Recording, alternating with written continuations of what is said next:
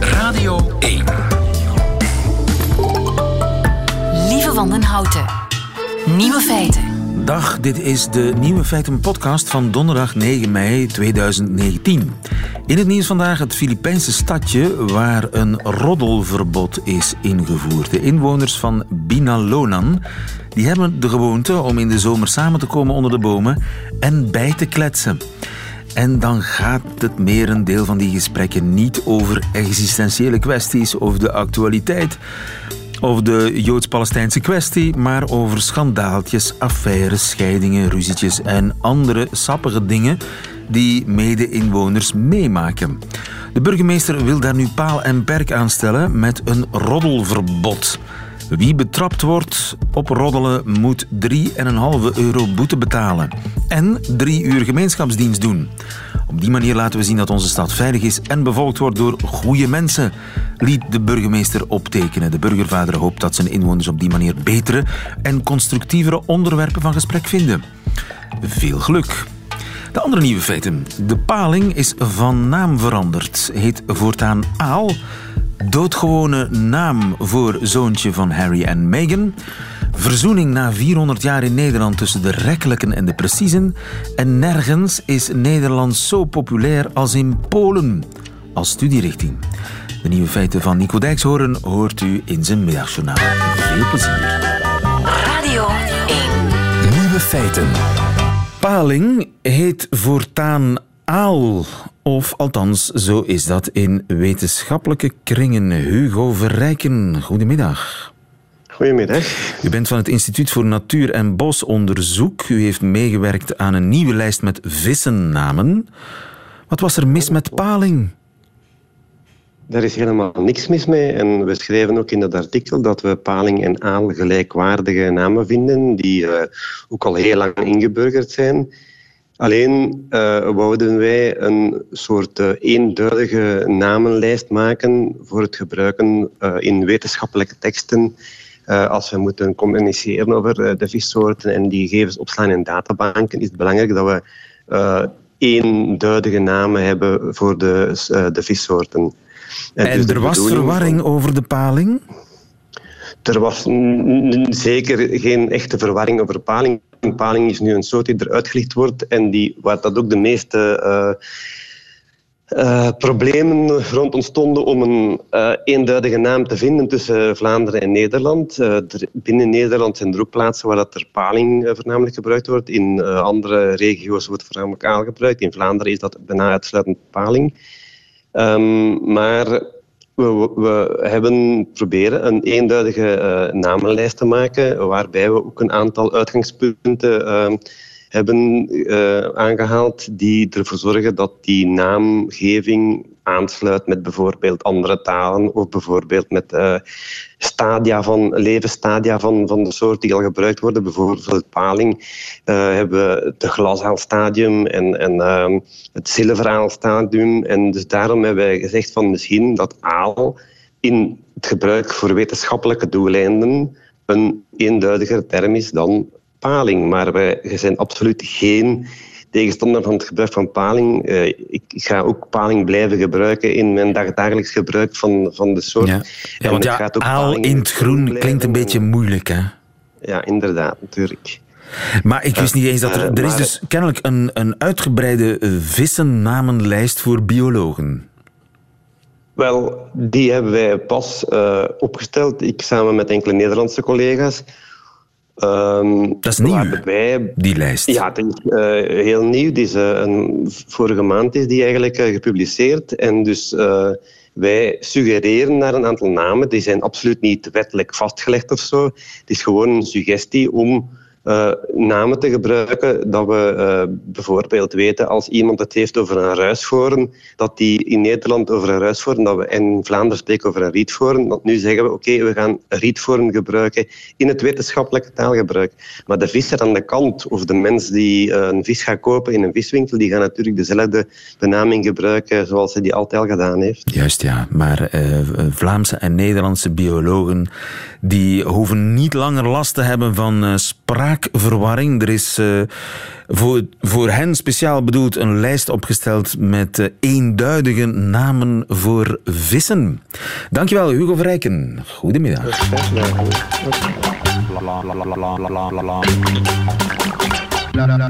Nieuwe feiten.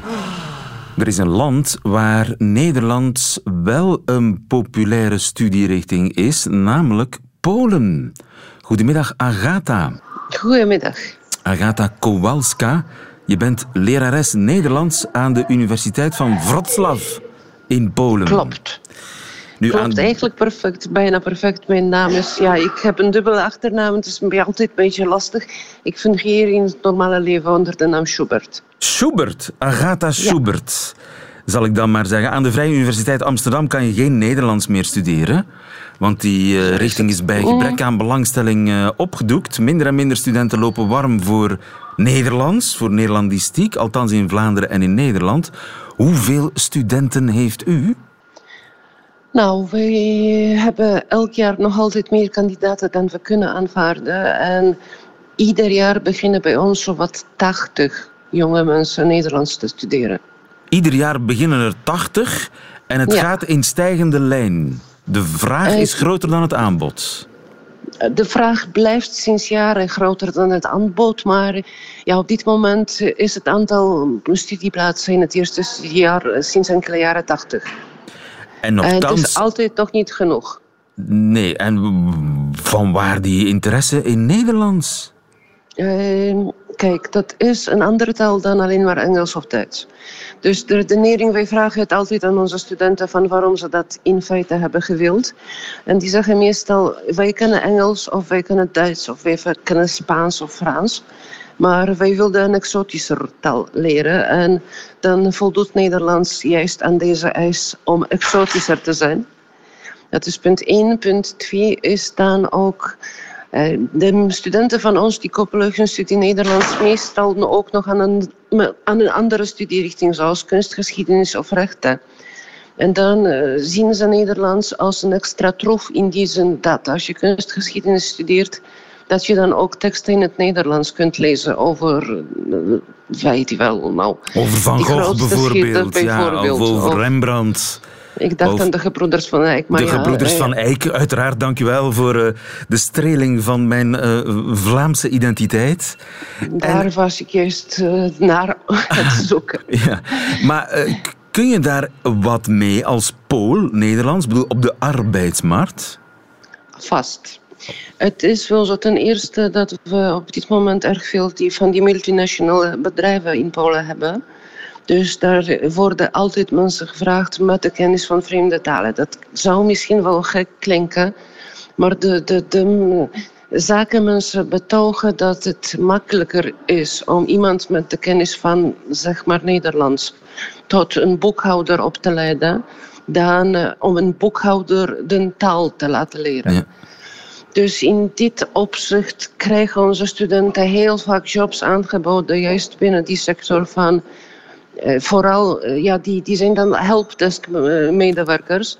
En die staan Nederlanders en Vlamingen te woord over allerlei technische kwesties. Wij hebben okay. Hewlett Packard bij ons bijvoorbeeld. En dan moeten de studenten van ons aan de Nederlanders en Vlamingen uitleggen hoe de drukker werkt of waarop die dan juist niet werkt. Dus de helpdesk zit in Polen en uh, ja. staat Nederlanders en Vlamingen in het Nederlands te woord. En dat, dat zijn vaak jouw studenten. Ja, zo is het.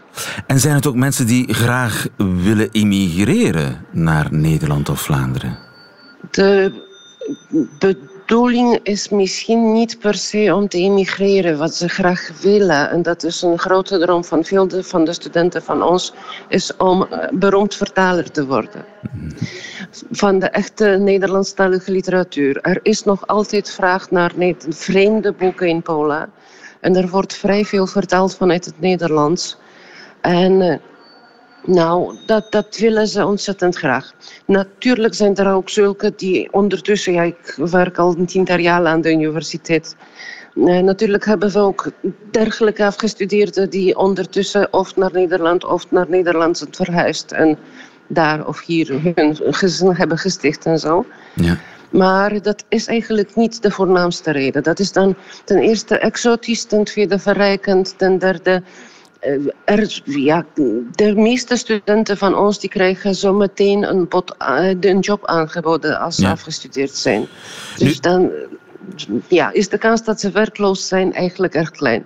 En het, het land op zich, Nederland, dat lokt niet echt. Want het is natuurlijk wel een groot verschil tussen het zeer katholieke Polen en het zeer vrijgevochten Nederland. Dat is ook niet zo. Dat is een kwestie van, als je een taal studeert, dan wil je graag ook echt contact hebben met de taal en met de cultuur. En wat dat betreft, dan ligt het katholieke Vlaanderen misschien wat dichter bij het katholieke Polen. Maar, eh, nou, ik zou Nederland zeker geen grote trekpleister noemen. Dat gaat niet om Nederland in kwestie. En het gaat eigenlijk ook niet in Vlaanderen, om, om Vlaanderen in kwestie. Dat is een kwestie van juist. eh, ik leer de taal, dus dan wil ik er wel eens zijn. Punt Ja. uit. En is het lastig, want u spreekt uitstekend Nederlands. Waar heeft u het geleerd? In Polen. Ik, heb, ik ben in Polen afgestudeerd, eh, maar zoals gezegd werk ik sinds een tiental jaren met het Nederlands. En het is intussen een grote liefde van, de liefde van het le- mijn leven, zou ik zeggen, geworden. Dus eh, misschien vandaar. U bent zelf een product van uw eigen studierichting. U heeft uw, Nederlands gewoon in Polen op school geleerd. Dat vind ik heel Eh, sterk. aan de universiteit, zo is het. Dankjewel, Agatha Schubert, Kowalska Schubert, Dankjewel. lerares Klopt, Nederlands aan de. Universiteit van Wroclaw in Polen. Goedemiddag. Goedemiddag. Nieuwe feiten. En we hebben een naam. Het zoontje van Prins Harry en Meghan Markle. Zijn naam is gisteren bekendgemaakt. Het is niet Onslow. Maar het gaat toch in de richting. Jo de Porter, goedemiddag. Goedemiddag. Onze Je houdt het nog in, terwijl iedereen het al weet. Archie Begot. ja, blijkbaar een naam die in eh, het Verenigd Koninkrijk heel populair is op dit moment, want hij staat op de achttiende van de populairste eh, jongensnamen. En ehm, zoals je kan vermoeden waarschijnlijk is het kort voor Archibald. En dat eh, blijkt te zijn de onverschrokkene, de dappere. Ehm, dus dat eh, geeft veel hoop voor de toekomst, denk ik. Maar ik had ooit een kat die heette Archie. En wat, wat is daarvan geworden, als ik vragen mag? Ze is weggelopen. Ze, ze, was, ze was heel schuchter. Ze was heel schuchter. Het was niet bepaald een, een, eh, een heerser, of een moedige heerser, zoals de naam Archibald eigenlijk eh, betekent. En hij had waarschijnlijk geen tweede naam, eh zijnde Harrison. En dat is wel geestig, want het is, als je het even uit elkaar trekt, is dat Harry's son. Dus je hebt eh, de dappere, de onverschrokken zoon van Harry. Ehm, veel duidelijker kan het niet zijn. Maar Archie, ik vind het toch niet echt Ja. adellijk klinken. Het is een heel populaire naam.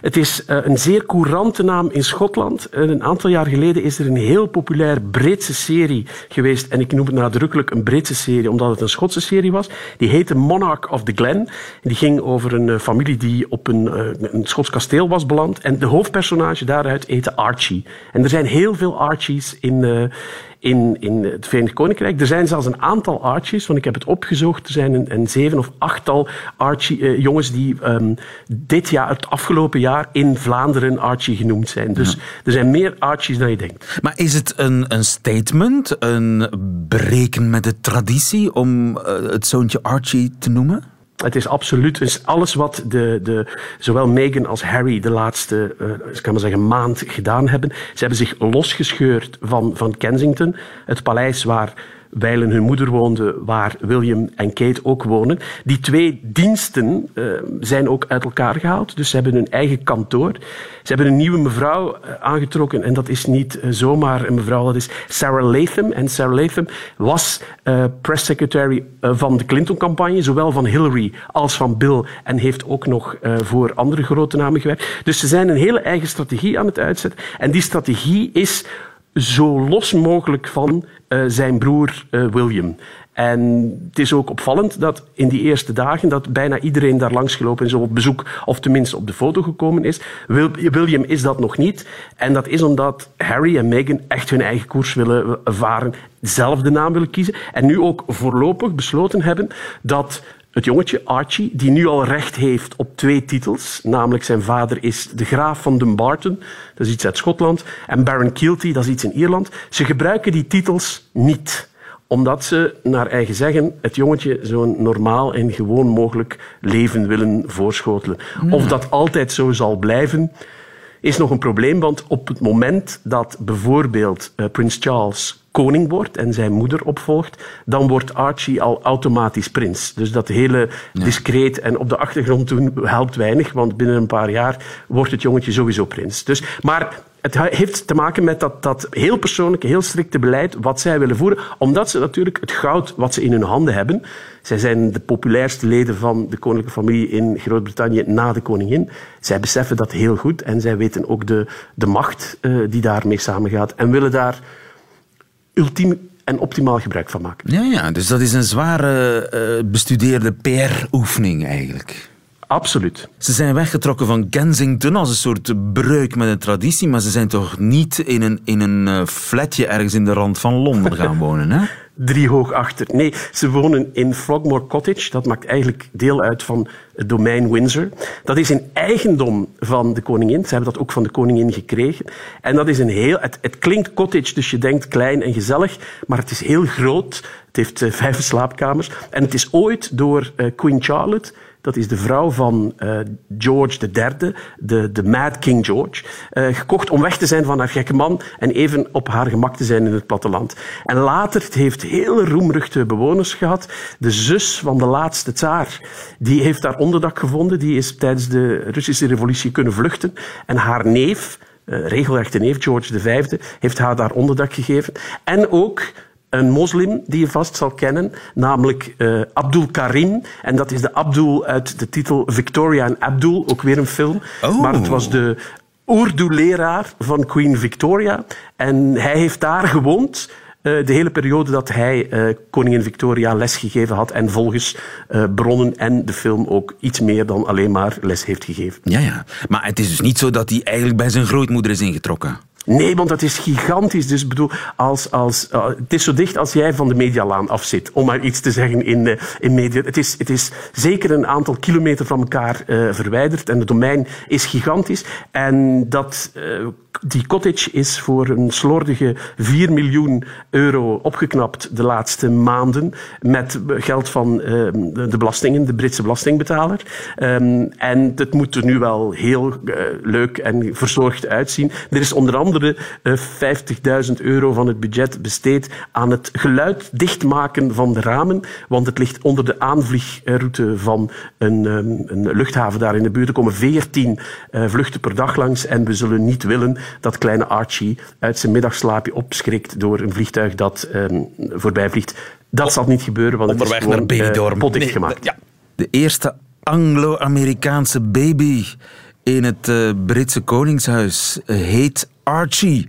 En dat is een breuk met een traditie waar zwaar is over nagedacht. Dag Jo, dankjewel. Goedemiddag. Goedemiddag.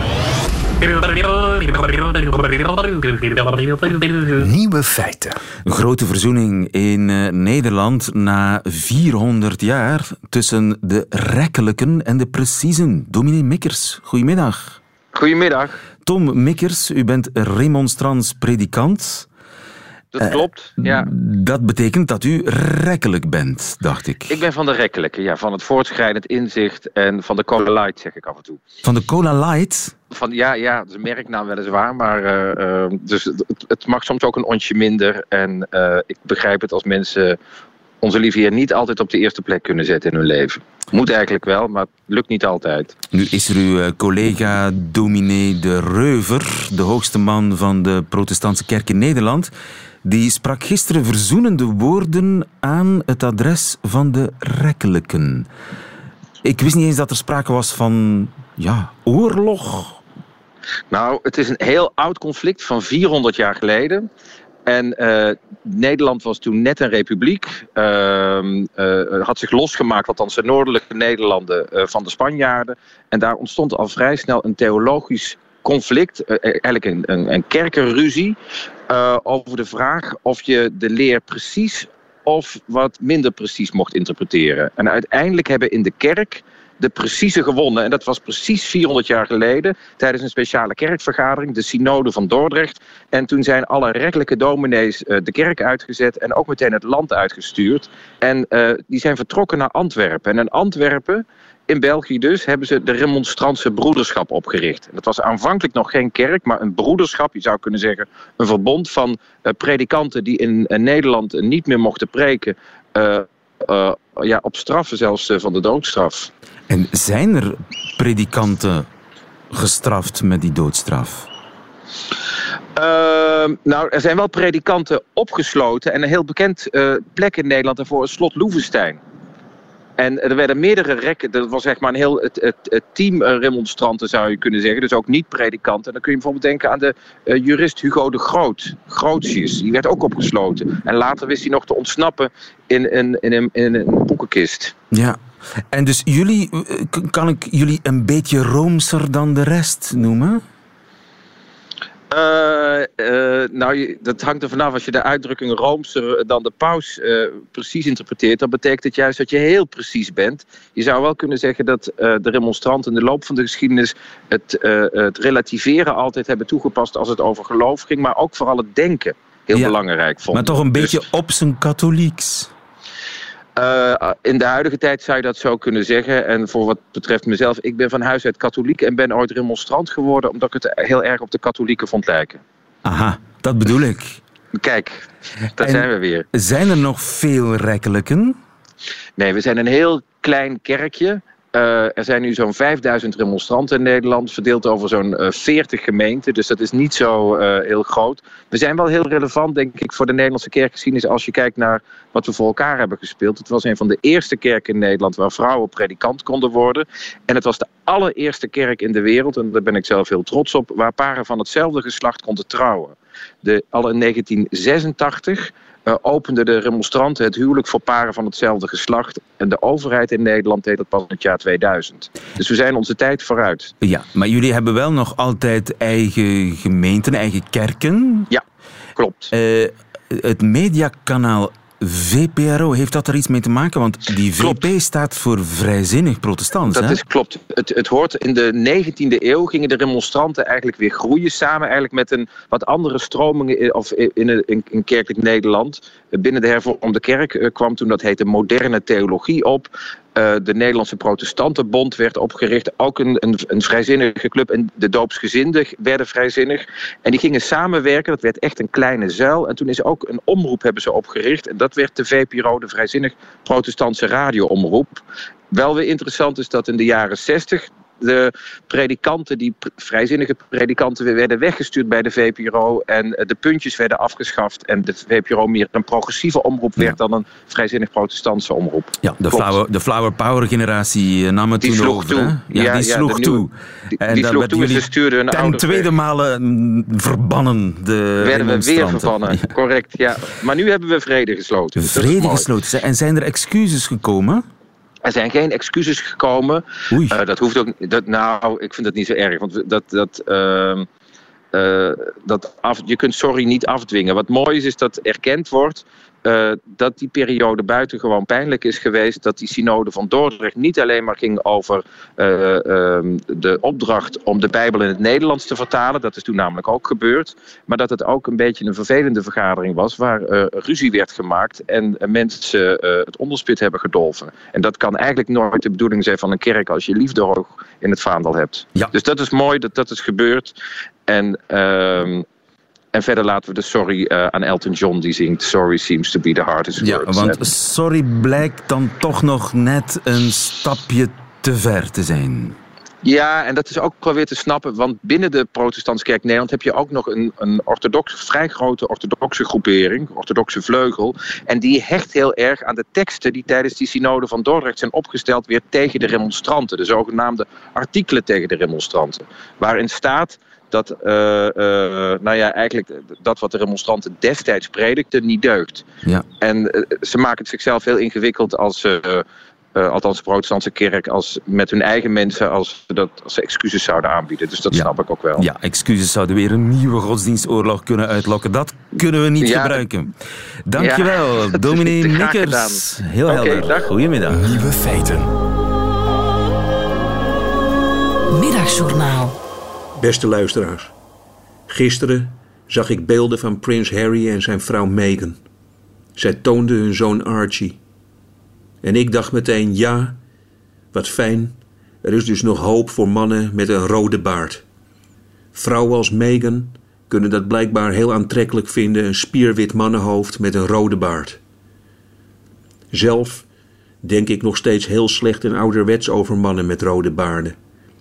Dat komt denk ik door alle films die ik in de jaren 80 en 90 heb gezien. Als daar een man met een rode baard in voorkwam, dan wist je één ding zeker. Hij schiet zo direct met een pijl en boog een eekhoorn uit de boom. Of het is een Ierse handlanger van dokter Frankenstein.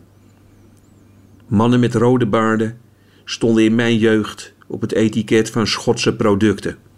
Zoals bijvoorbeeld Macmillan Cornbread.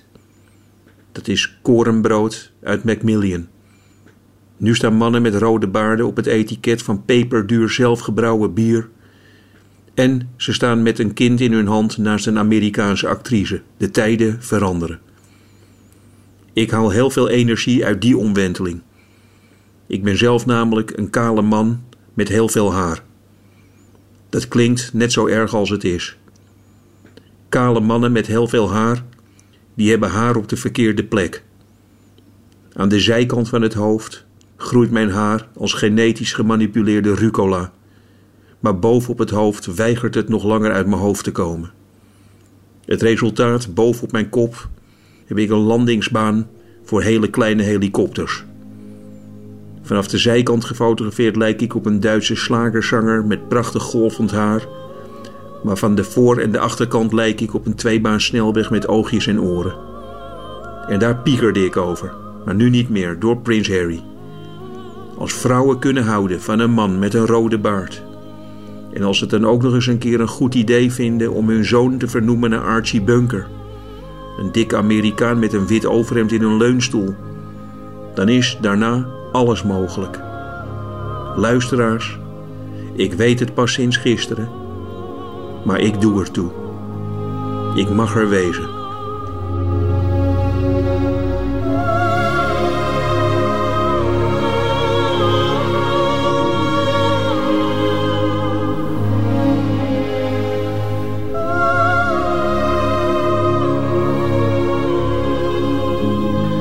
Nico Dijkshoorn in het middagjournaal. Einde van deze podcast. Maar u vindt er nog veel meer op radio1.be en op de podcastkanalen. Tot volgende keer.